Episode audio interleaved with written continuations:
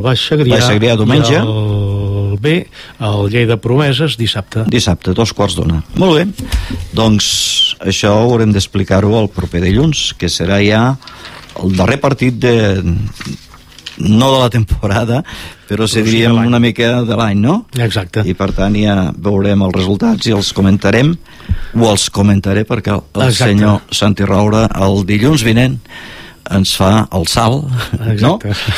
I, Diríem- i, i, I ben saltat que, I ben saltat, i ben no? saltat que faré a veure si hi ha la possibilitat de que per telèfon Puguis pugui entrar, contactar depèn, depèn de l'estat en què em trobi després de la intervenció De la intervenció. Molt bé. Doncs d'entrada desitgem que vagi bé la intervenció el dilluns gràcies i si tens ànims i estàs en condicions podem parlar una estoneta al, a l'hora del programa el dilluns vinent. Uh, exacte, a veure si, si puc ja uh, donar alguna, alguna informació perquè el diumenge més o menys estaria al cas de com han anat tots Com els anat. partits però tot falta que, que m'hagi espavilat ja Si no, de l'anestèsia Que et sorollin força per si i, un cas, per si un cas desitjo ja bones festes Molt bé. a tothom perquè clar, ja serà l'últim programa de l'any Mhm, el sí. del proper dilluns Perfecte, que vagi molt bé i ens veiem nosaltres el dilluns vinent, dia 19. Adéu-siau, bona eh, setmana. Fins a reveure, o fins a sentir-nos.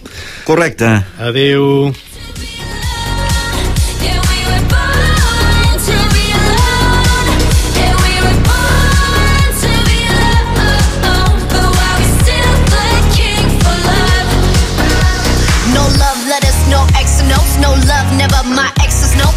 Diamond rings that's set in stone. To the left, better left alone. Didn't wanna be a princess, I'm priceless. A prince not even on my No doctor could help when I'm lost. 아마다 잠깐일지도 몰라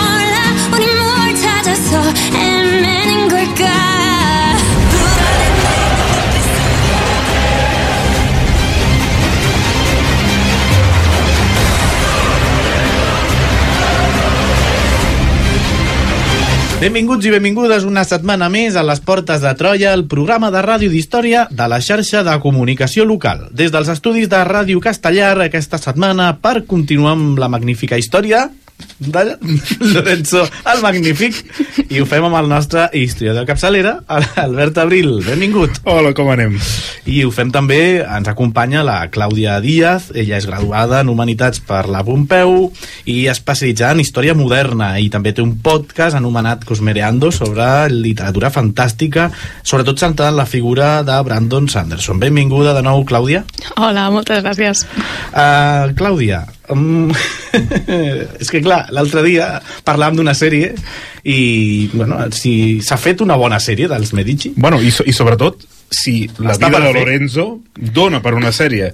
Doncs a veure, dona per una sèrie que s'hagi fet la sèrie bé és una altra història, sí, potser segurament algun oient aquí ha vist la sèrie de eh, Los Medici Senyores de Florencia eh, a veure a nivell històric deixa bastant que desitjar. la banda sonora és preciosa, de fet, és la que, la que hem posat aquí per aquest programa i és una meravella de dalt a baix. La sèrie, bueno, es pren bastantes llicències, però vaja, jo crec que la figura de Lorenzo dona bastant per una sèrie, una bona sèrie, perquè té energia de protagonista, així dit de forma terrenal, té energia de protagonista. Al final és una persona poderosa i en la seva figura convergeixen eh, doncs, influències, interessos molt importants. És a dir, que sí, sí, dona per una sèrie.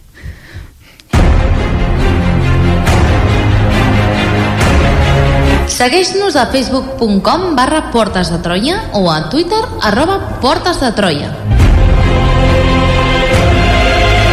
Descarrega't el podcast des d'iBooks o iTunes.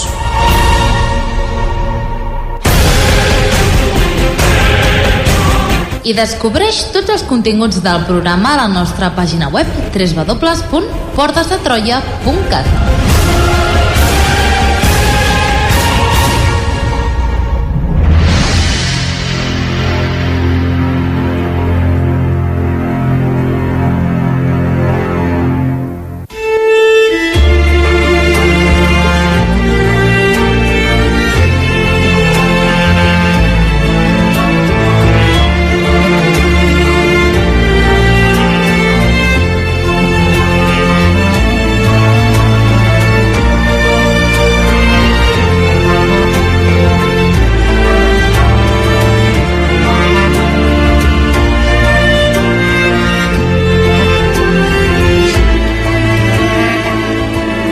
Lorenzo el Magnífic per dos, però per qui no va estar, no s'ha escoltat la part 1, doncs el que primer, sempre que fem programes en pack de dos o de tres, aquí a vegades a les portes de Troia, doncs recomanem eh, que s'escoltin el primer per seguir molt bé aquest cas 2. En el cas de que no us doni la gana, perquè teniu tot el dret, um, Clàudia, si plau, si ens podries fer 5 cèntims uh, d'aquell últim programa on vam iniciar-nos en la figura de la família de Lorenzo di Medici i de- i de- i d'ell. Doncs sí, en el, en el primer programa vam fer això, una mica un repàs de, de, sobre la Florència del segle XV, les seves institucions, el floriment de la, de la renaixentista i com la família Medici estava directament vinculada a tots aquests processos. I, i bé, a part d'analitzar el paper i el caràcter de Lorenzo, també vam parlar molt de les persones importants de la seva família, que van ser decisives en la seva vida i en la seva carrera política. Entre ells, doncs, Cosme el Vell, Piero el Gotós, que hi ha hagut molta, moltes bromes amb això, eh, Lucrezia Tornabon i sa mare, eh, Clarissa Orsini i la seva dona, i bueno, anirem parlant una miqueta més, més de tot aquest tema. De fet, precisament ens van quedar amb, amb Clarissa Orsini, que van deixar el personatge una miqueta a mitges, i la idea seria reprendre aquí precisament el fil de- d'aquesta història. I és que eh, sabem que va ser la dona de Lorenzo, i la pregunta que et, et fem és que què hem de conèixer sobre ella una miqueta. Doncs eh, ella la va escollir Lucrezia Tornaboni, la mare de, de Lorenzo. Com no podia ser d'una altra manera. Exactament, ella va anar expressament a la ciutat eterna i va dir anem a escollir-li moza para mi mozo. I, sí. I, I de fet va, va demostrar tenir una visió política molt convenient perquè va triar a una noia descendent de dos papes i germana d'un cardenal, dire, unes aliances i amb uns contactes molt importants dintre de la cort vaticana i això als Medici els interessava molt perquè al final eh, els Medici tenien sang burgesa, tenien sang noble, però encara no tenien sang eclesiàstica, no tenien entrada en aquests cercles, i això és molt important. Els tres, els tres tics, eh? Exacte, o sigui, el, vulguis que no, tenien el Vaticà ja, és el centre de poder de la religió catòlica, i eh, això, doncs, això ho valoraven moltíssim. Eh, així que Clarissa i Lorenzo es casen l'any 19, ai, 1900, no va dir, en fi, 1469, que és el mateix any de la mort de Piero, eh, el pare de Lorenzo, i eh, van tenir 10 fills, ni més ni menys, Sí, dels quals només sis van superar la infància, cosa que no és estrany perquè en aquella època et podies morir de diarrea als 23 anys, o sigui, és, és que... Dit així, És que- és cruel. Sí, sí, però és veritat, o sigui, te- tenia, havies de tenir una prole molt extensa. I d'aquests fills eh, jo destacaria sobretot a Lucrècia, que era l'àvia del futur Cosme I de Medici, l'infame, així és com li dic jo, perquè... Aquest és, és el que van exiliar de Florència i tot plegat? Ah, no, recordo. No ho recordo ben bé, crec que no el van exiliar. Sí, sí que el van exiliar, sí, sí, perquè va intentar prendre el poder, al final ho va aconseguir. Eh, els Medici es van acabar convertint en el que tothom deia que serien. Que sorpresa. Sí, l'altre, el primogènit i el, i el successor de Lorenzo és ni més ni menys que Piero el desafortunat. Sí, és magnífic que es digui així. Eh, I l'altre més important, Giovanni, que era el futur papa Lleó X. És a dir, que van tenir una prole bastant important. Uh -huh. uh, alguns motius ja ens els has avançat, però per què s'ha de buscar la dona a fora de Florència? Sí, a part de pels contactes que volien tenir amb la cort vaticana, eh, clar, Lorenzo diguem que era el, el jove més pretès de Florència. Totes les famílies importants que tenien filles en edat de casar volien casar-les amb Lorenzo, és que era, era, és que era molt obvi. Llavors, eh, hagués triat a la noia que hagués triat, la gent s'hauria enfadat, perquè tots volien casar la seva filla, la seva neta, la seva germana. Llavors, Lucrezia va tenir el bon, el bon ull, el bon olfacte, seguim amb la broma, d'anar a Roma a buscar la, a la noia fora, i doncs Clarissa és una dona que queda fora de les picabaralles d'entre les famílies florentines. I això, al final, va, va acabar agradant a tots. I què ens destacaries de la relació entre Lorenzo i Clarissa? Eh, a veure, Clarissa era una noia molt diferent a Lorenzo. S'havia criat això la cort vaticana, una noia molt, molt modosita, molt religiosa, molt callada. Clar, Lorenzo tenia una personalitat expansiva, era, era molt enginyós, era molt mordàs, i a Clarissa li faltava tot això, diguem que no, no el seguien a les seves converses. I sabem que Lorenzo no, el va, no la va estimar mai, de fet ell ja tenia una preferida, que era Lucrezia Donati. Eh, però bueno, al final tenia, li tenia una certa tendresa, ella va ser una bona esposa, va complir amb el seu paper d'aquella època i, i va tenir un paper decisiu pel prestigi de la família i va portar recursos molt importants, és a dir que bueno, va complir amb el seu paper. Parlem de la seva germana gran, Bianca de Medici. Um, quina va ser la seva història? Doncs Bianca no és que tingui un gran protagonisme en tota la vida de Lorenzo, però es va trobar en la desafortunada posició de que es va casar amb l'home equivocat. Bueno, per ella no, però a nivell polític i de política matrimonial i tot, doncs sí. Es va casar per amor amb Guglielmo de Pazzi, li podem dir Guillem, perquè Gu- Guglielmo... Gra gràcies. Sí, Gràcies, és Clàudia. una miqueta impronunciable. Eh, I es va casar per amor i en contra dels desitjos de la seva família, però bueno, el mal ja estava hecho i al final van dir... Els Pazzi eren la principal família enemiga dels Medici ja des de temps de Cosme i clar, aquesta aliança doncs, no es veia gaire bé, eren una altra família banquera, és era la competència i diguem que no es veia aquesta aliança Lorenzo devia pensar, mira, pues ajuntem dos grans bancs, no?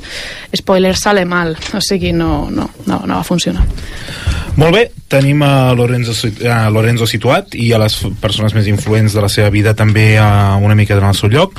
I ara toca centrar-nos en una part important de la vida de, de Lorenzo i dels Medici com a, com a tal, que són les intrigues i una miqueta, entre cometes, el, el politiqueo. No? Ara, ara, ara, ara entrem. Um, quins eren els fronts que tenien oberts els Medici? Doncs mira, d'entrada, la facció aristocràtica ja que sigui ahí dando por saco. D'acord? O sigui, això per començar. Eh, des de temps de Cosme ja hem vist que la, fa la facció aristocràtica veia amb enveja i amb preocupació l'ascens de la família Medici i, i de la facció popular en conseqüència. Així que, clar, amb una personalitat tan carismàtica com Lorenzo, aquesta preocupació i aquesta aversió no fa més que accentuar-se. Eh, I en segon lloc tenim a un papa que ascendeix al poder, és Sixt, sis, sí, de, quart, perdó, Sixt quarts, dic sisè perquè és que, és que, és que a veure... Te, te metem a la llet. Clar, Sí, és quart, és, em confons a mi, que decideix-te. Llavors, aquest papa volia estendre tot el seu poder per tota la zona de la Romanya, que eh, per dir-ho de forma fàcil, és una àrea de, molt important de control de rutes comercials al nord. I clar, la seva intenció era entregar aquesta zona al seu nebot preferit, que era un Riario, crec que era Girolamo Riario, també veia nombrecito. I què passa? Que els Medici havien forjat per Florència pues, una aliança entre Milà i Florència i Venècia pel control d'aquestes rutes. Què passa? Que si entra el papa i es fa amb aquest poder, desequilibres bueno, tot aquest equilibri de poder que s'havia aconseguit entre els estats italians, mm, les ruïnes. I llavors, mm, els Medici com a principals prestamistes del papa no li van voler avançar un préstec per poder comprar una, una ciutat molt estratègica d'aquesta zona. Ui. I llavors el, el papa no li va fer gens de gràcia i va començar... Con la iglesia hemos, toca, hemos Sí, topado. ah, exacte, exacte, i va, va començar a moure fils el papa. I, i a més a més, una de les característiques que, caracteri que caracteritzen uh, precisament a Lorenzo o, i, inclús a Cos i inclús a Cosme és que el que buscaven e- era sempre l'equilibri no? o sigui, clar, Itàlia ens hem d'imaginar, estem en un moment en què està dominada per petites repúbliques ciutats-estat, amb zones d'influència cada una amb les seves faccions aristocràtiques, uh, les seves faccions mercantils, vull dir, que hi havia uns interessos allà i mantenir un equilibri eh, de pau, de fet Lorenzo durant tot el seu govern entre cometes és capaç de mantenir un equilibri bastant constant, per dir d'una manera ja, la Clàudia d'aquí una estona ens explicarà que no va ser ben bé així, no? però, però és, és, és molt fort com una família, no, mitjançant aquestes aliances, vale, tres aliats aquí, tres aliats aquí que tenen una força, un poder similar, una capacitat d'organitzar exèrcits, a fer boicots comercials similar, vale, estem en equilibri perquè estem en equilibri. I ara de cop et ve un papa de Roma i et diu, pues rompemos Quiero esto. esto para mi sobrino favorito. I, clar, Lorenzo diu, no, a veure què fas. Clar, tot això, aquest escenari que ens estàs a, a, explicant de possible conflicte serà aprofitat per tots els grans rivals que tindran els Medici i veuran una escletxa per poder entrar per aquí i debilitar-los? Sí, sí, aquí, aquí ve el plat, fort, el plat fort del, del programa. És a dir, els Pazzi hem dit que eren uns, ban, uns altres banquers, família directament de, que competia contra el banc Medici, i aquí, quan veu que els Medici s'enemisten amb el papa, aquí veu els, la seva oportunitat per prendre'ls el seu lloc com a prestamistes del papa, perquè diu, si els Medici s'estan allunyant del papa, és el meu moment d'acostar-m'hi jo i això va desencadenar tota una guerra política i bancària entre les dues famílies. però vaja, el moviment final va ser realment l'intent d'assassinat contra els caps de la família Medici, que eren Lorenzo i Giuliano. I aquí, aquí sí que ve la part forta. De fet, ja avisem els oients, no? ja es veu una, a venir una miqueta que comença una narració digna d'una sèrie de Joc de Trons, o si volem, no? de, de, de crims. I és que, que um, aquesta conjura, en aquest intent d'assassinat que ja ens has avançat, que és un intent d'assassinat i no un... Bueno, potser mig i mig, ja veurem. 50%. Um, quines eren les... Sí, Carla Díaz ara mateix és Carla Porta. Es converteix en Carla Clàudia. Porta. Ai, perdó, Clàudia Porta. Clàudia Porta. Clàudia Porta ara mateix, eh? Per narrar-nos tot això. Uh, exacte, i de fet, com bon capítol de crims, ens toca explicar quines eren les cares visibles de tota aquesta conjura contra Lorenzo i el seu germà uh, Giuliano. Sí, doncs entra música de crims. Eh, tenim, a, com hem dit, el Girola Morriario, que era el nebot del papa i el principal interessat en que això funcionés, perquè, clar, li anaven, estava interessat en aconseguir aquesta, aquesta zona tan crucial, no?, D'altra banda tenim a Francesco Salviati, que era l'arcabisbe de Pisa, i pel que sabem Lorenzo havia impedit que fos promocionat com a bisbe de Florència per donar-li el càrrec a un cunyat seu, a un, un Orsini. O sigui que aquí ja té un, un altre enemic.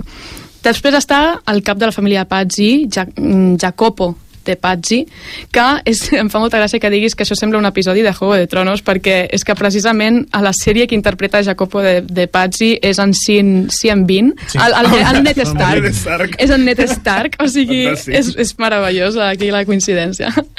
Després està Francesco de Pazzi, que és el nebot d'aquest Jacopo, d'en Ned Stark, i, i cunyat dels Medici, perquè no hem d'oblidar que Bianca està casada amb aquest Guillem Pazzi, que és el germà de Francesco de Pazzi, o sigui que aquí tenim una trama familiar, no només política, sinó familiar ja.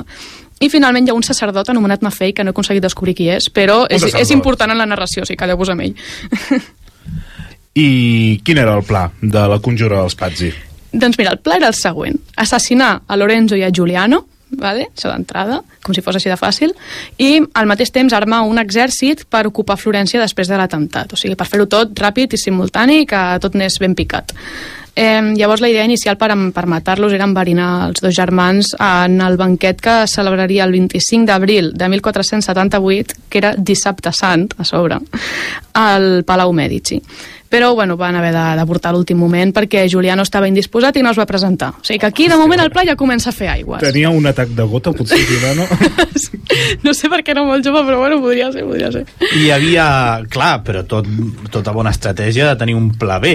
Sí, hi havia un pla de contingència, però de, diguem que de passar un assassinat mm, discret, com seria un enverinament, que no saps ben bé qui ha pogut ser, doncs eh, és que no, no ho van fer gaire bé, la veritat. Van preparar un pla alternatiu, perquè clar, és que més els mercenaris que havien contractat per, per ocupar Florència ja s'havien introduït dintre la ciutat i per tant la gent, a veure, es fixarien en aquest, esta, esta gente quién és. I, mm, i llavors havien d'actuar ràpid i preparar alguna cosa que, per substituir el que havia passat, vamos. Llavors van decidir que els Medici caurien a la catedral l'endemà en plena missa de Pasqua. És que... un canvi de plans una miqueta agosarat. Clar, no sé eh? si heu estat a la catedral de Florència, però és que és molt gran allà i cap molta gent. D'acord? I llavors la idea era que els assassins es poguessin escapar entre la multitud, entre el caos i tal, i que al mateix temps l'arcabisbe Salviati, amb un grup de mercenaris, se'n anés al Palau de la Signoria, al Palazzo Vecchio, i ocupés doncs, la seu governamental del, de la ciutat. Molt bé, uns plans preciosos. Uh, segur que hi havia esquemes, plànols i... Tenien una pissarra plena de clips i, i enganxines i, xinxetes, no? I xinxetes, fils això. de... Uh, però com tots sabem, a vegades aquests plans que, són, que estan tan ben formats, no, que estan tan ben treballats, no sempre surten tal i com s'han s'han planificat. I la pregunta és, és la següent, no? Com va ser la posada en escena d'aquest guió? Sí, aquí, aquí ve l'acció ja, és a dir, estem a la missa de Pasqua, estan Lorenzo i Giuliano a la part del davant, asseguts en bancs diferents, i que en el moment de l'elevació els dos germans s'agenollen i en aquell moment els sicaris ataquen. Eh, Giuliano no, no va tenir res a fer, és a dir, ja sabem que Francesco Pazzi li va assestar un cop al cap, va apuntar al cap i el va, el va, el va matar a l'acte. I a més a més, aquest és, és el, el que està casat? No, amb és el una- germà del que està Ai, casat quasi, amb la cunyat. germana de Giuliano. Vale, vale, vale, vale. Sí. És, és cunyat, doncs. és cunyat, és el Vale. cunyat És de Giuliano. És, el cunyat. És que és el cunyat de Giuliano. Qui, qui si no? Claro, claro. És que, No sé sí. si seria pitjor el sogre, potser. No sé.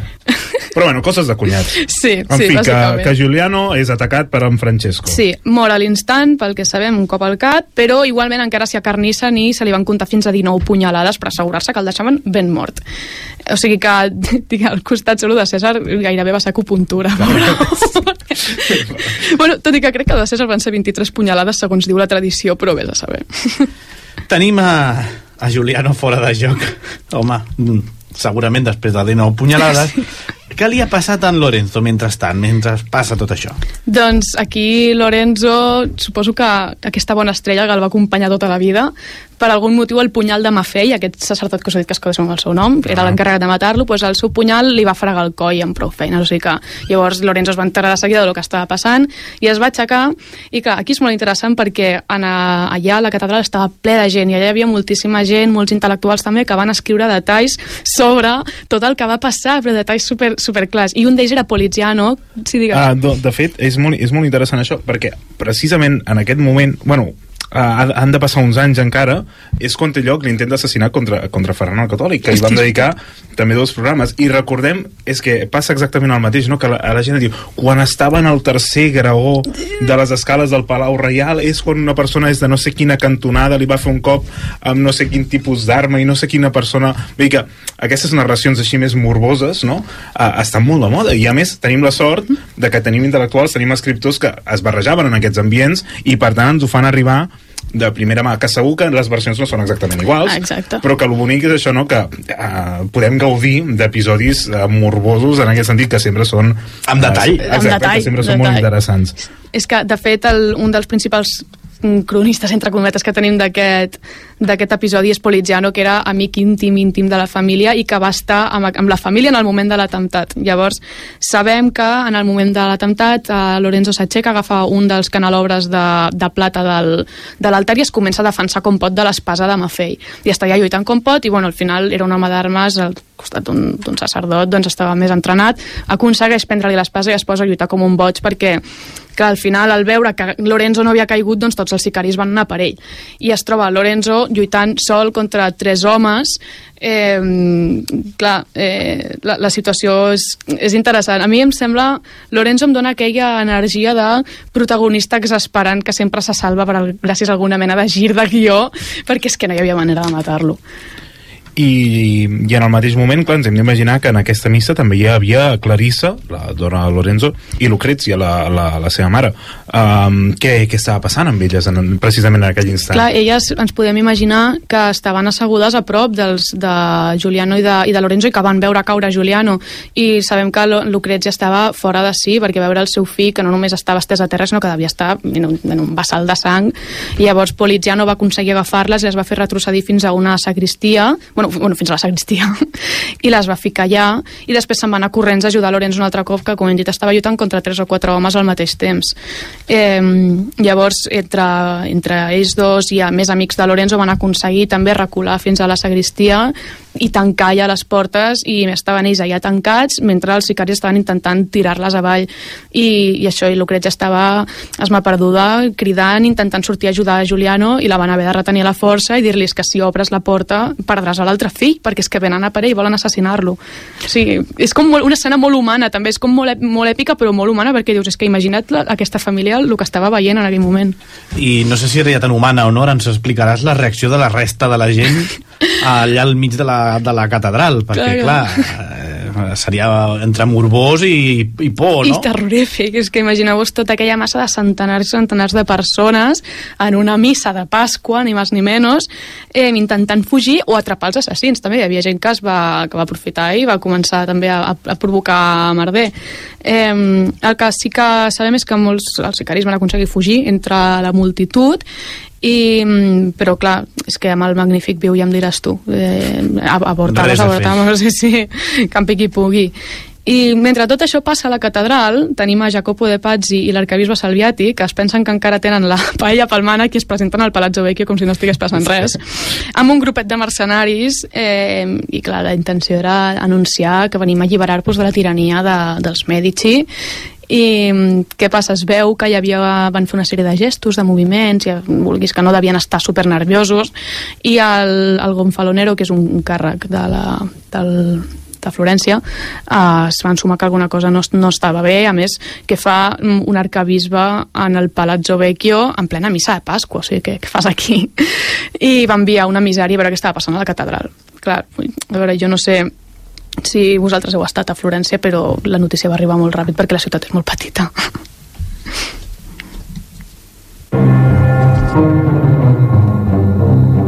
A les portes de Troia. La història a la ràdio. Descobreix tots els continguts del programa a www.portesdetroia.cat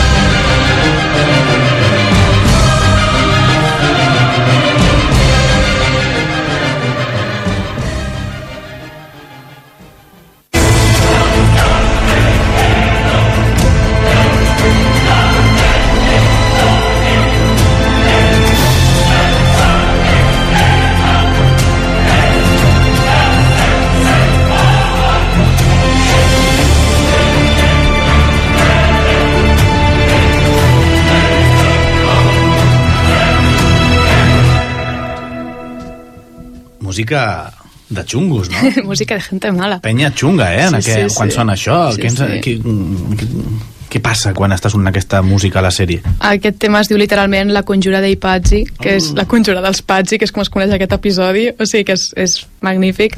En, a la sèrie, òbviament, es retrata aquesta part de la vida de Lorenzo perquè és la part més, més mediàtica, diguem, interessava molt. I sí, és música èpica asesinatos i, i gente chunga haciendo corrillo, en plan... Pss, pss, pss, Mira, per, justament per veure només aquesta escena ja m'agafen ganes de, bu de buscar aquesta sèrie, estigui on estigui, a internet, i veure-la.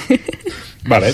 Sí, La- sí, la- la jo- comentem, no? Clar, fa ganes, no?, de veure-la, de comentar Sí, aquesta sí. escena que ens has explicat, de... de... Sí, jo haig de dir que no l'he vist, aquesta escena, al, televisivament. Sé, Vale. sé que existeix i m'agraden molt les bandes sonores i l'he buscat i vaig dir, hòstia, aquest tema és O meravellós. sigui, que poder un cagarro tremendo. Clar, no tinc ni idea. O sigui, no jo, he sé. vist, jo he vist una recreació en una altra sèrie que es diu uh, Da Vinci's uh, Demons Mm. que també és una sèrie així bueno, és una, és una anada d'olla totalment però és molt divertit perquè són en Da Vinci i en Lorenzo el Magnífic joves fent coses per Florència llavors viuen aventures, construeixen coses, etc.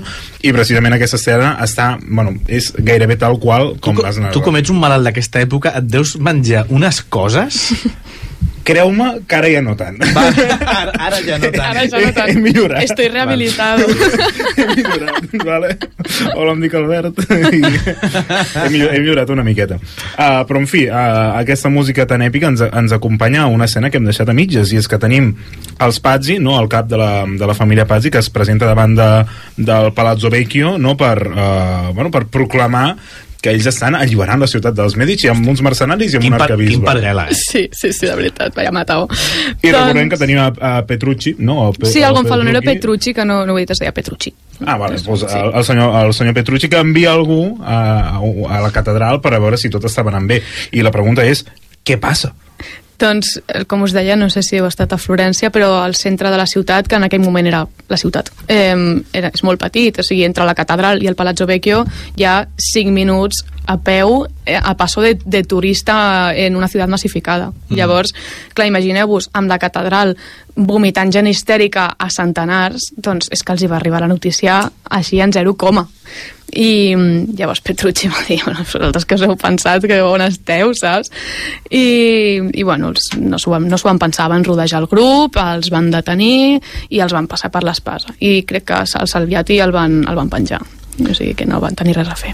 Molt bé, doncs ara que ja hem relatat aquest episodi, ens podem permetre criticar-lo, analitzar-lo i fer una miqueta de ficció. Uh, Clàudia, com valores aquesta conjura? Um, a veure, a mi no m'agrada posar etiquetes de bons i dolents perquè al final estem parlant d'història i de gent real i això, bueno, no, no hi ha un guionista darrere encara que ho sembli. Llavors, um, no sé, diguem que potser si Lorenzo hagués mort potser vés a saber si s'hauria evitat que els Medici s'haguessin convertit realment en, en senyors reals de Florència perquè Cosme I de Medici al cap d'unes quan, quantes dècades va acabar mm, tenint títol i tenint el poder absolut a, a Florència. Vés a saber si, si el seu avantpassat hagués mort això no hauria passat.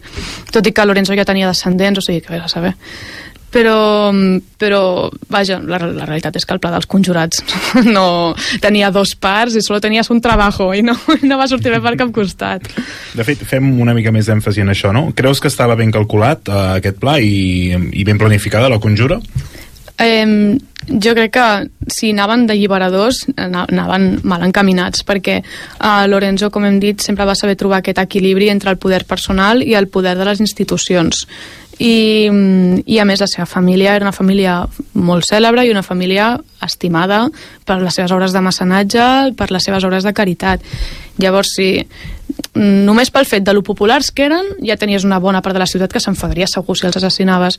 Però és que a més cometre un acte d'assassinat en una catedral en plena missa de Pasqua és que és el moment més sagrat de l'any en el lloc més sagrat de la ciutat. Llavors és que, la, és que són ganes de, de tirar-se pedres a la taulada no, eh, no, no, podia, no podia funcionar llavors eh, la, gent es va, la gent es va enfurir la gent es va tirar, es va carregar en massa contra, contra els conjurats i els que encara no havien caigut al Palazzo Vecchio van acabar detinguts o linxats o les dues coses i, i els, més els més afortunats van aconseguir fugir això sí.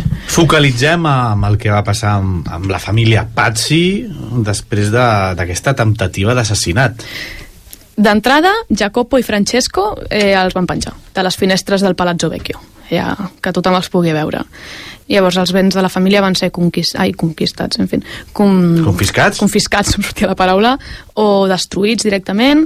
Els, que, els membres de la família que eren aliens a la conjura se'ls va enviar a l'exili i entre ells estava aquest Guillem de Pazzi, marit de Bianca de Medici, i Bianca va decidir seguir el seu marit a l'exili perquè, com hem dit, es va casar per amor i llavors tenim aquí, per exemple, jo penso en Lucrezia, que dic ha perdut dos fills en un dia, un l'han assassinat i a la, i a la Bianca pues, pràcticament l'han desterrat de la família. O sigui que bastant dramàtic tot. déu nhi um, Ara acabem de veure una miqueta les conseqüències més immediates de tot això i ens hem centrat en la narració gairebé en primera persona d'aquests esdeveniments. Però no ens oblidem que tota aquesta conjura dels Pazzi té uns interessos gairebé uh, internacionals a Itàlia. No? Vull dir, tenim el papat posat per aquí al mig, que gairebé ens l'havíem oblidat. Um, què passa després del fracàs d'aquesta conjura? El papat, uh, uh, el papa Sixt IV es queda indiferent després d'aquest fracàs? No, òbviament que no. Diu, i bueno, han fallat aquests, però cabeza de turco, jo segueixo aquí darrere a l'ombra, no? Home. Eh, llavors, el fracàs, els anys que segueixen aquest fracàs de la conjura es caracteritzen per una guerra entre, entre el papa i Florència. Eh, D'entrada, a Sixt, com que no estava disposat a acceptar aquesta derrota i a deixar que Lorenzo seguís tenint aquest paper tan preeminent a la ciutat, el va excomulgar. És a dir, d'entrada, comencem per aquí. Eh, I el va excomulgar amb l'excusa d'haver executat els membres de la conjura. Penses, home, hijo, ¿qué quieres? Que, què esperaves que que passés? Eh, I també va aconseguir girar-li en contra ciutats com Siena, Luca, Urbino i Nàpols, o sigui que déu nhi i va segrestar la sucursal del Banc Medici a Roma. I a sobre va ordenar a la senyoria que detinguessin a Florenzo i el, a, a Florenzo, que ho de dir Florenzo, en fi, a Lorenzo en mans del papat i, i bueno, que o sigui, va posar totes aquestes condicions i ja per si de cas no n'hi havia prou va posar setge a Florència. És a dir, que no, no estava disposat a rendir-se. Um, de fet, ens trobem en un moment en què s'han clarament polaritzat dos bàndols gairebé, no tenim per una banda el papat uh, perdona, uh, el papat uh, no només la ciutat de Nàpols sinó tot el regne de Nàpols de Ferran I um, Siena, no? que són repúbliques uh, poderoses posant setge, sobretot amb tropes papals a la ciutat de Florència, i per altra banda tenim Florència, i amb els seus aliats que hem comentat, que, que van comentar l'últim programa, no recordo si començant d'aquest, um, que eren Venècia, Milà, etc. però aquí tenim el clar desequilibri del que parlàvem no? el, papat s'ha posat en les lluites de poder eh, entre comentes eh, italianes no? i s'està enfrontant directament eh, amb, amb, amb Florència i la pregunta és, eh, ja ens has dit de fet eh, Florència perd alguna batalla contra, contra aquests exèrcits llavors el, el que fan els Medici és retirar-se cap a dins de la ciutat i és llavors quan posen setge a, a la ciutat què fan? O sigui, la pregunta és què fan davant d'aquesta agressió? Doncs, um, per començar, la senyoria li diu que, que no li entreguen a Lorenzo. A si, si te'l volguéssim entregar directament hauríem deixat que l'assassinessin, no et sembla? Um, I fins i tot l'església florentina va arribar a posar-se en contra del papa i el va excomulgar. O sigui, l'església florentina excomunica el papa el de Roma. papa, tal qual, això, excomunicar, perquè aquesta és la paraula. Eh, I van fer també enviant un document a totes les corts europees explicant per què havien pres aquesta decisió. O sigui que el, el conflicte es- escala fins a nivells eh, insospitats segurament pel papa en el moment de, plan de planificar tota la conjura. Eh, llavors, en lloc de marginar-lo d'aquestes esferes de poder de Florència, la conjura fa que Lorenzo surti encara més fort i més, i més poderós de, del que era. I, i a- això sí, va, el, seu govern va agafar una deriva una mica autocràtica perquè clar, entren en un moment de guerra, de crisi, en el que necessiten una figura forta i, òbviament, doncs, derivant a Lorenzo, que és qui ha patit l'agressió directament. Eh, però bé, va aconseguir que els càrrecs del govern fossin assignats a gent de la seva confiança i, i bé, doncs perquè se, se li va permetre perquè al final la seva, la seva persona era la que mantenia unida a la República Florentina. Sembla que les coses doncs, no van tan bé als florentins i estem esperant doncs, una jugada mestra del nostre Lorenzo per veure per treure la ciutat a, a les castanyes del foc a la ciutat. Sí, eh, això va ser bastant interessant perquè quan hem dit que portaven, estava la ciutat assetjada, van ser tres anys d'assetge, ni més ni menys. Suposo, no sé si era ininterromput o si va haver-hi moments de més tranquil·litat, però són molts anys. Llavors estava la ciutat al borde de, del col·lapso, que es diu, i Lorenzo doncs, aconsegueix que li concedeixin poders extraordinaris i se'n va ell en persona a Nàpols, que era el principal aliat, el principal aliat del papa en aquell moment, i a, a parlamentar amb el rei de Nàpols, que era Ferran I, crec, eh, i el volia convèncer de dissoldre l'aliança amb el Vaticà. Llavors, eh, el seu argument era que eh, si el Vaticà s'aconseguia aconseguia el poder sobre Florència, aquest equilibri de poders que hem dit dels estats italians es veuria molt perjudicat i això a Nàpols tampoc li interessava, que l'estat pontifici tingués a més tots els territoris i els recursos de Florència. Llavors, pel que sabem, Lorenzo va estar tres mesos a la cort napolitana i, mm, bueno, deixant-s'hi molts diners en regals i molta, molta saliva i molts esforços en converses i en parlamentar i aquí i allà i fent el que li agradava a ell, que era la diplomàcia i ni més ni menys, en tres mesos torna a Florència triomfant perquè eh, el rei de Nàpols es retira de la guerra i dissol la seva aliança amb el Vaticà. I, I tot això, el papa Sixt ens durarà molt més? No, no, després de donar tant pel sac eh, va i es mor l'any 1484, o sigui que la conjura havia sigut el 1478 i entre el setge i tot, doncs no va, no va durar gaire. És a dir, que no, al final no va servir per res. I què passa amb els Medici després d'aquesta guerra contra aquest papat tan, tan bèl·lic? Doncs, mira, d'entrada, el que és Florència eh, es converteix en la mediadora entre aquest equilibri de poders de les grans potències italianes. Eh, I pel que fa a la família de Medici, bé, arriba un període de certa tranquil·litat, els fills de Lorenzo i Clarissa fan bons casaments, com tot, tots fills de bona família, i, i com hem dit, eh, Giovanni, el fill, eh, crec que dels més joves, va ser promocionat com a cardenal als 13 anys, que això no era estrany perquè als finals el títol de cardenal era més un tema polític que eclesiàstic. És a dir, es, es regalaven aquests títols com a favor cap a una família per tancar aliances i llavors per això també els interessava aquest matrimoni amb Clarissa. I amb el temps aquest Giovanni es convertiria en el cèlebre Lleó desè, el papa, un dels papes més, més coneguts. O sigui que, bé, o sigui, la família va, va seguir pel, pel bon camí com havia estat fent sempre. Però bé, a, a pesar de tot això, Lorenzo encara li faltaven, li, havia de patir encara uns cops durs a la seva vida, com van ser la mort de la seva mare, Lucrezia, el 1482. Oh. Sí, sí, sí. I la seva dona va morir el 1488, Clarissa Orsini mor amb 34 o 35 anys, que ja hem dit que no era tan estrany, però, bueno, sap greu.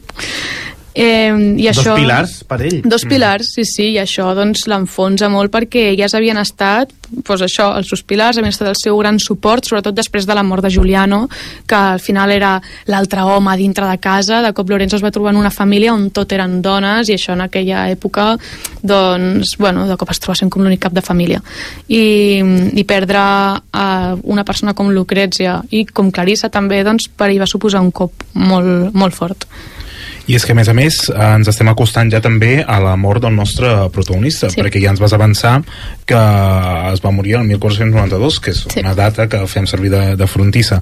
Eh, quin va ser el seu, el seu final? Doncs cap als 40 anys d'edat o així, eh, Lorenzo comença a donar símptomes de la gota. Ah, ni amigo. més ni menys. Ah, que sorpresa. Perquè Sí, l'anterior sí, sí. programa posem... Clar, hem de fer els nostres oients que diguin pues passo d'escoltar l'anterior programa. Doncs bé, us perdeu, us perdeu, us perdeu un personatge com és Piero, el gotós.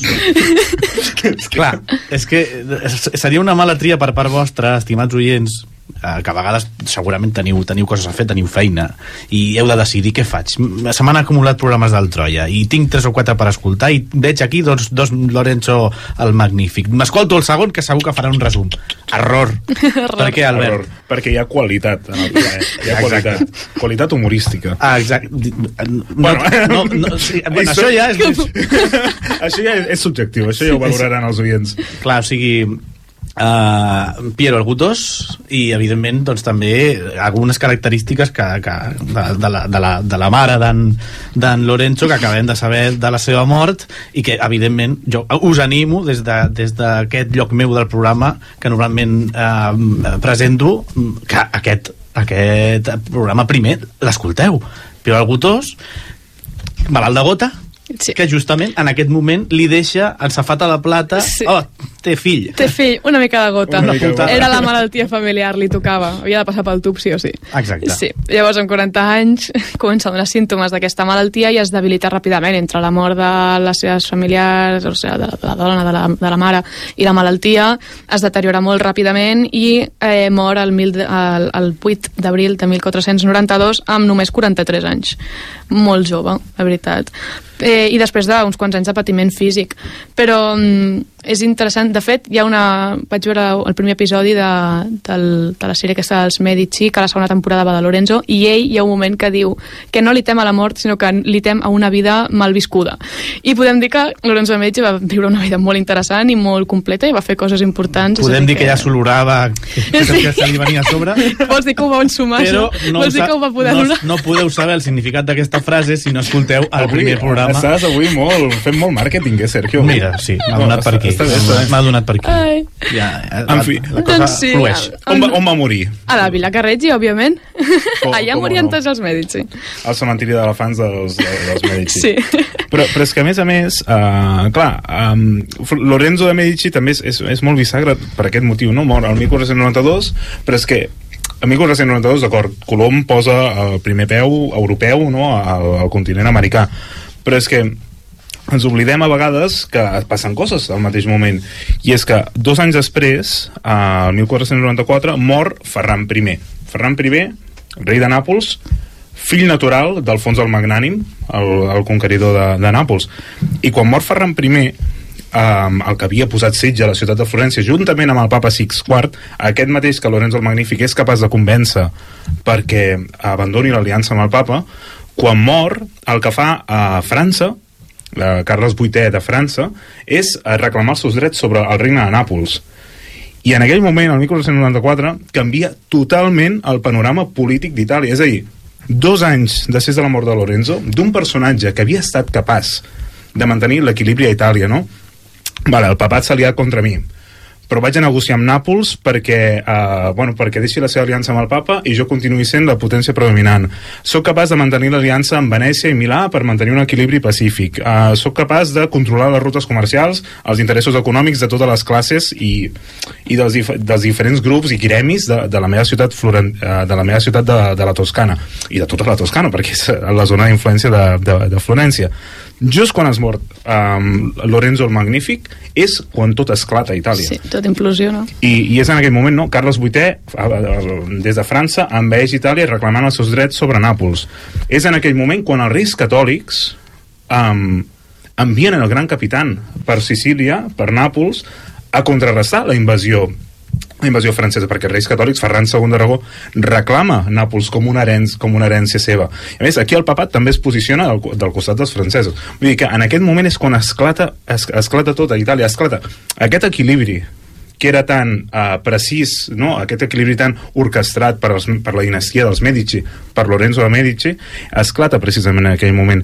I de fet també és molt interessant veure com al cap d'uns anys un dels fills de Lorenzo, no em facis dir quin, si el desafortunat o, o el que acaba sent cardenal, un d'ells se'n va de l'exili i d'aquest ja i d'aquest ens n'oblidem però és que un dels altres uh, uh, l'altre fill um, és exiliat de Florència però és que després torna a Florència amb l'ajuda de Ferran el Catòlic Sí, per al, crec que va ser per al desafortunat. És aquest el que torna a Florència? Crec que sí, és que la valia molt. Vale.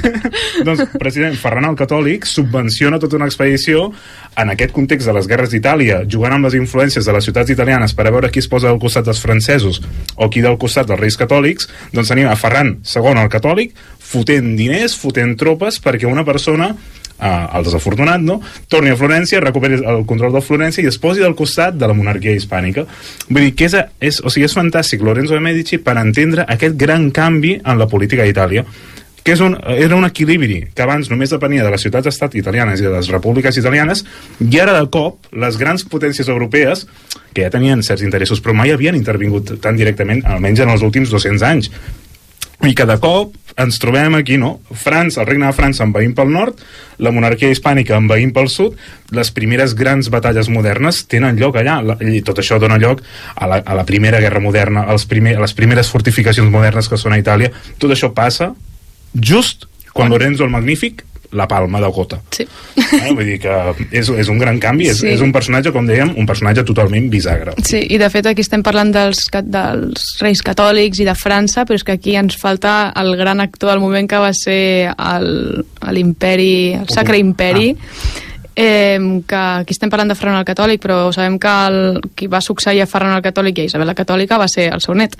que era també emperador de, del Sacre Imperi, i aquest també ficarà els ulls sobre les, els estats italians i també serà el, el que propiciï que mm, Cosme I de Medici arribi a ser Cosme I de Medici i no només Cosme de Medici. Quina sort, quina sort, Clàudia, tu avui has vingut per primera vegada, per segona vegada a les portes de Troia i esperem que moltes més, però quina sort de tenir l'Albert Abril amb nosaltres Sí. perquè Sí, sí. aquesta època, i a ell a més li agrada la geopolítica i les relacions Sí, internacionals. a mi també, a mi també. També tu ets Sí. un altre friqui del tema. Sí, Estupendo, sí. perquè és un tema que és difícil per tots els actors, territoris, conflictes, regnes, reis i tot això. Justament eh, també aquí a les portes de Troia, de la mà de l'Albert hem tingut programes del Gran Capitán, hem tingut programes... Mm. Te'n recordes d'això? Això fa- fa molts anys, Sergio, de, d'això, mm, per ell, per ell programes de les fortificacions modernes que a mi particularment em va agradar molt és una sort que puguem parlar d'aquests temes amb, amb gent que, que li agrada i que domina A les portes de Troia. Descobreix la teva història.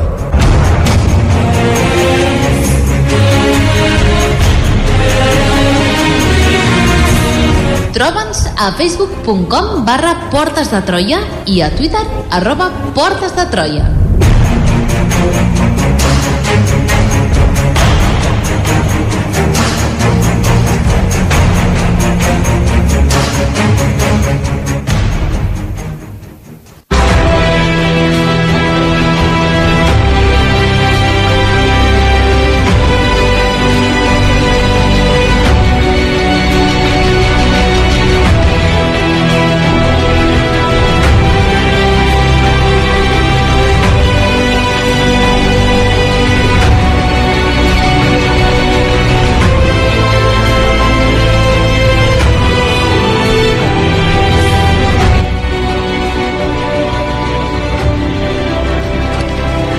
Recta final del Portes de Troia d'avui ja acomiadem a Lorenzo el Magnífic i per tant toca fer, toca fer balanç toca fer balanç amb la Clàudia Díaz de com va deixar d'arreglat eh, Lorenzo les coses, si ho va deixar atado i bien atado Um, suposo que li hauria agradat deixar-ho tot atado i ben atado, però eh, direm que va deixar una successió poc digna de, de succeir-lo. Eh, Sí. a part del seu fill Giovanni, que va arribar a ser el papa, Lleó, desè i tot, el que havia de ser el seu successor a nivell familiar, per, per el desafortunat, és que no m'ho diu tot, eh, la van liar bastant. De fet, va haver-hi un moment que la família va entrar bastant en crisi perquè va quedar com a única hereva legítima eh, la futura Catalina, reina de França, i a la casa Medici hi havia tres bastards convivint i cap d'ells realment era l'hereu legítim de, dels Medici. O sigui que bastant malament. Eh, I bueno, a, a nivell internacional, com ha estat dient l'Albert, eh, Itàlia, es va, la península itàlica, es va convertir en el camp de batalla de les grans potències europees que pues, amb tots els seus interessos geopolítics pues, van anar a batallar-los en allà, que era on es concentraven tots aquests interessos de poder. I també, com he dit, pues, eh, arran de tot això va ser com Cosme I de Medici es va convertir en el, en el dux de Florència. Clar, un dux ja és un tipus, És un- és un títol nobiliari. Sí, amb competències títol- de monarca, és a dir, sí. i, i més endavant es, crea, es crearà el Gran Ducat de la Toscana, no? Vull dir que, Exacte. que tot això veiem com hem passat d'un Cosme al vell, a un Sí. Lorenzo el Magnífic, que tenien un poder enorme, però mai de facto, sí, ai, eh, mai de jure, en aquest, si, si no sempre de facto, i seran precisament en aquest moment quan s'institucionalitza tot això que Sí. fa dècades que s'està coent. En fi, no podem acabar el programa d'una altra manera, ja, els programes, no? ja que hem dedicat un parell de programes a aquest personatge que clarament se'ls mereix, a fer una miqueta de recopilació no? de tot plegat um, Molts temes, no? Mol, molts temes Han de, Sí, sí. pel mig, ens resseguint la figura de Lorenzo de, el Magnífic, doncs alguns grans temes, sí o no? Sí, sí. Sí. Que ens ha arribat una mica d'ell, no? Com va transformar Florència, com va, com va canviar la ciutat després del seu regnat. Tu mateixa, Clàudia. Sí, bueno, això que has dit, de, sobretot aquest pas mm, molt marcat de- d'un poder legítim de les institucions republicanes a un poder personal eh, d'un sol Medici. És a dir, sempre hi havia hagut aquesta amenaça de que els Medici eren una família molt poderosa, molt ascendent, que estava, tothom tenia una miqueta de por d'aquest poder que tenien, i malauradament Cosme I va acabar confirmant el que tots sabien, que era que els Medici s'acabarien convertint en uns tirans perquè estaven acumulant massa poder. Diguem que Lorenzo va ser l'últim o dels últims en tenir aquest poder i no sentir la temptació d'institucionalitzar-lo. Eh, al mateix temps, llavors, també doncs, pas d'un governant i cap de família de classe burgesa, amb ofici i educació corresponent a, un, a la classe burgesa, a un que doncs, encara pertany a la burgesia, però no depèn del seu ofici per mantenir el seu poder, o almenys es pot permetre delegar aquestes responsabilitats, i per mantenir inclús i augmentar el seu poder. És a dir, veiem aquest canvi de paradigma no només en el govern de la família, sinó en el govern de la ciutat i de, i de tota aquest, aquesta geopolítica italiana i, i europea, fins i tot. I una altra cosa que m'agrad- m'agradaria destacar és l'enorme poder que té l'art. Ja no diem l'art de oh, l'amor per l'art, l'amistat i aquestes coses boniques, sinó l'art com, a, com a eina política. I els Medici la van saber exercir molt, molt bé i amb, amb, molt, amb molt de bon criteri.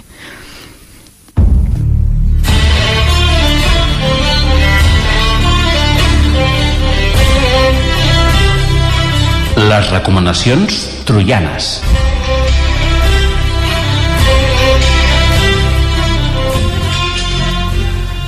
Uh, feia temps que no posàvem aquesta, aquesta sintonia eh, per parlar de recomanacions. El último volcano sempre, sempre- sempre, sempre anem bé. amb... Exacte, sí, sí, sempre anem apretats de temps i per tant no ens podem permetre ni el luxe de ficar la sintonia.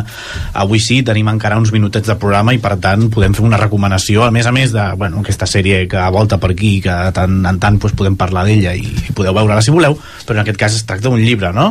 Sí, eh, jo m'he basat molt en un llibre així que és bastant resumeix bastant la història dels Medici que és, es diu Los Medici i és algo com breve història de la història No es podia saber, el Medici. nom. No. i l'autor si no recordo malament es diu o Franco Cesari o César Franco o algo així. I em perdonareu. No, va Més o i em menys, va per- perdonareu. va- el que sí que sé és que aquest autor tot el que ha escrit és sobre Florència i els Medici. O sigui, si voleu informar-vos d'aquest tema busqueu aquest, autor, és italià jo em vaig comprar el, el llibre en un museu de Florència és a dir que no és difícil de trobar tampoc. Molt bé, doncs feta la recomanació, segurament amb aquestes pistes la gent, doncs, si li interessa el tema, ja podrà trobar Sí. aquesta referència bibliogràfica. I ara ja han tancat l'episodi, el capítol, els capítols amb, amb Lorenzo el, el Magnífic. Uh, hem dit de tu, Clàudia, convidada d'avui, que fas un podcast, oi? sí. Doncs si uh, Sí, vols sí. explicar-nos als nostres oients també, ja que estàs aquí amb, avui amb nosaltres i que series companya nostra també, que el Portes de Troia eh, es, es distribueix a través de la xarxa de comunicació local, moltíssimes ràdios de Catalunya, fins i tot Andorra, però també és un podcast i per tant doncs, seríem també així companys. Eh, El teu podcast de què va? Moltes gràcies. Doncs, a veure, jo tinc dos facetes lectores, no? La històrica, eh, m'agrada molt llegir sobre la història, però també m'agrada molt la fantasia, la fanta tot tipus de fantasia.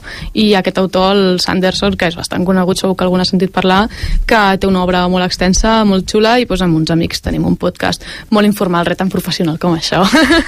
és molt informal, però està, el fem a Twitch i el podeu trobar també a Spotify, a iBooks i a YouTube, i parlem parlem sobre els seus llibres, sobre teories del fandom. Ara recentment ha sortit un dels, un, un dels seus últims llibres més importants, molt guai. I, i, bueno, i de fet estem oberts a que vingui gent a participar amb nosaltres i a parlar i que ens proposin temes o sigui que, que aquí ho teniu. Es diu, es diu Cosmereando, en referència al Cosmer, que és aquest univers literari que ha creat aquest autor. No a Cosme el Vell, no? No, però, però, però, Però mira. però té relació, És té el des- és el relació. el nom, el nom eh, sembla que vingui d'aquí.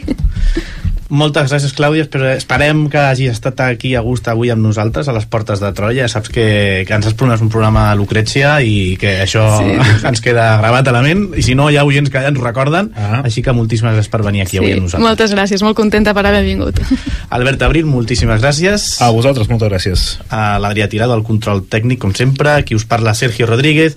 I nosaltres us esperem la pròxima setmana amb un nou episodi de Les Portes de Troia.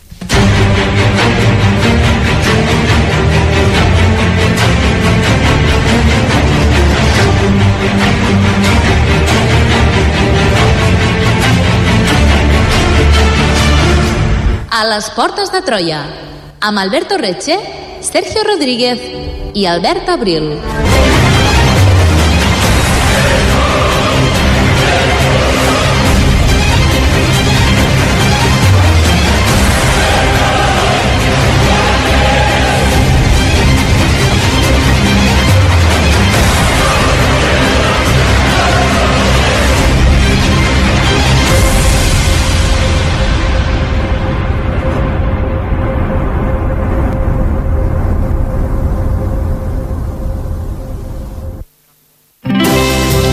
Escolta Ràdio Seu on i quan vulguis.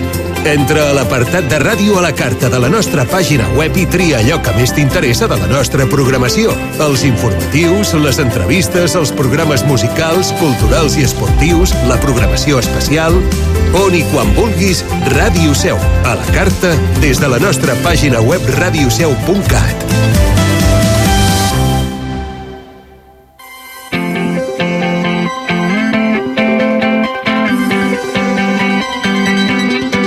In a New York minute we met in an instant.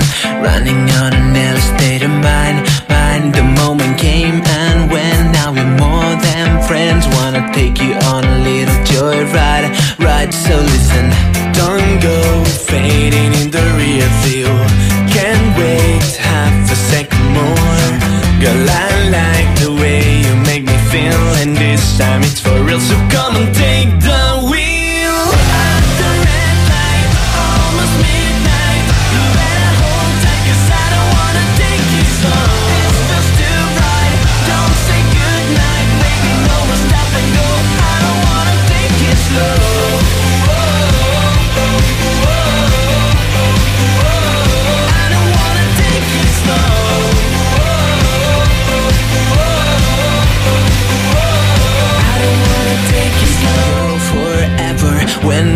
together. We're falling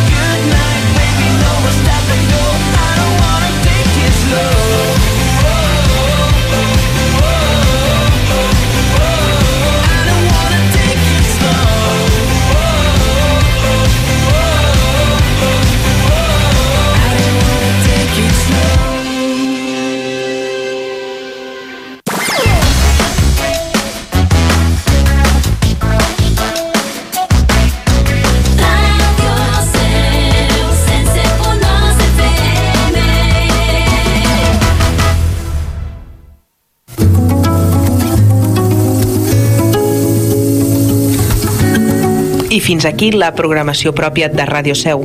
Connectem amb Catalunya Ràdio.